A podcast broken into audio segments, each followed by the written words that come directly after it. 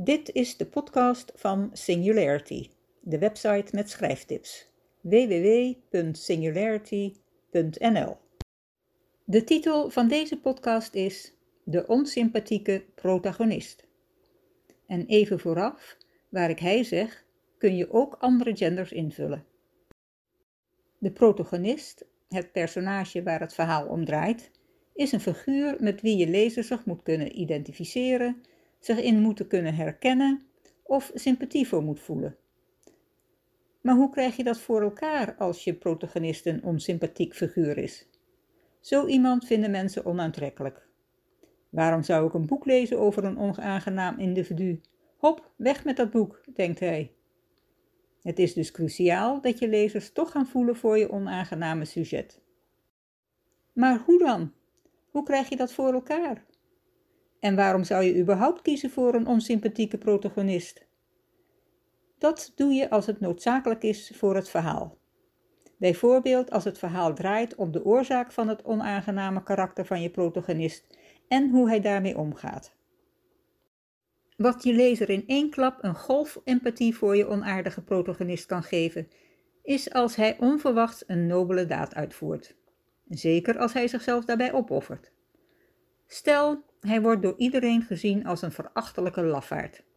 Maar dan verrast hij ze door uit een brandend huis, waar geen brandweer naar binnen durft, kinderen te redden. Wat hem in een met gruwelijke brandlittekens bezaaide stakker verandert. Snif. Wat ook goed kan werken, als je protagonist ooit ten koste van anderen iets lafs of verschrikkelijks heeft gedaan. Bijvoorbeeld zijn beste vriend uitleveren aan de maffia, zodat hij zelf kan ontsnappen.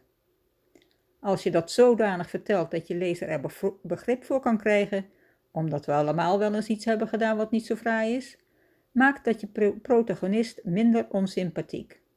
Sterker nog, als hij ook nog ernstig onder die misstap blijkt te lijden, is hij misschien wel zijn onaangename uitstraling kwijt. En zeker als hij het uiteindelijk goed maakt. Die opwaardering naar een sympathieker personage hoeft niet per se een totale omslag te zijn. Je kunt bijvoorbeeld ook alleen een contrast van zijn karakter introduceren. Bijvoorbeeld een zelfgenomen eikel die zomaar een dakloze helpt. Of een bullebak die onthult dat hij kwetsbaar is. De opschepper die zijn eigen overdreven verhalen belachelijk maakt.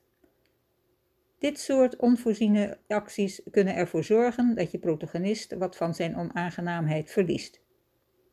Kijk wel uit dat je je lezer daar niet mee overvoert, dan is het niet verrassend meer. Misschien is je onsympathieke protagonist zelf een slachtoffer.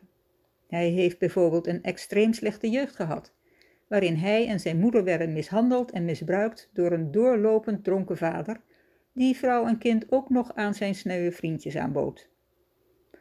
Of hij komt uit een armoedig gezin waarvan de ouders vroeg stierven en hij moederziel alleen op straat moest zien overleven. Vervolgens werd hij geadopteerd door een bende, klom daar in de hiërarchie op en werd zo een nietsontziende maffiabaas. Als je die keiharde crimineel die eerder genoemde nobele daad laat uitvoeren, en dat heel geloofwaardig laat gebeuren, zal je lezer daar zeker verrast door zijn en je personage met andere ogen bekijken. Ik ben aan het einde gekomen van deze podcast. Tot de volgende. Oh ja, vond je het leuk? Heb je er wat aan? Maak me dan blij door het te delen. Dankjewel.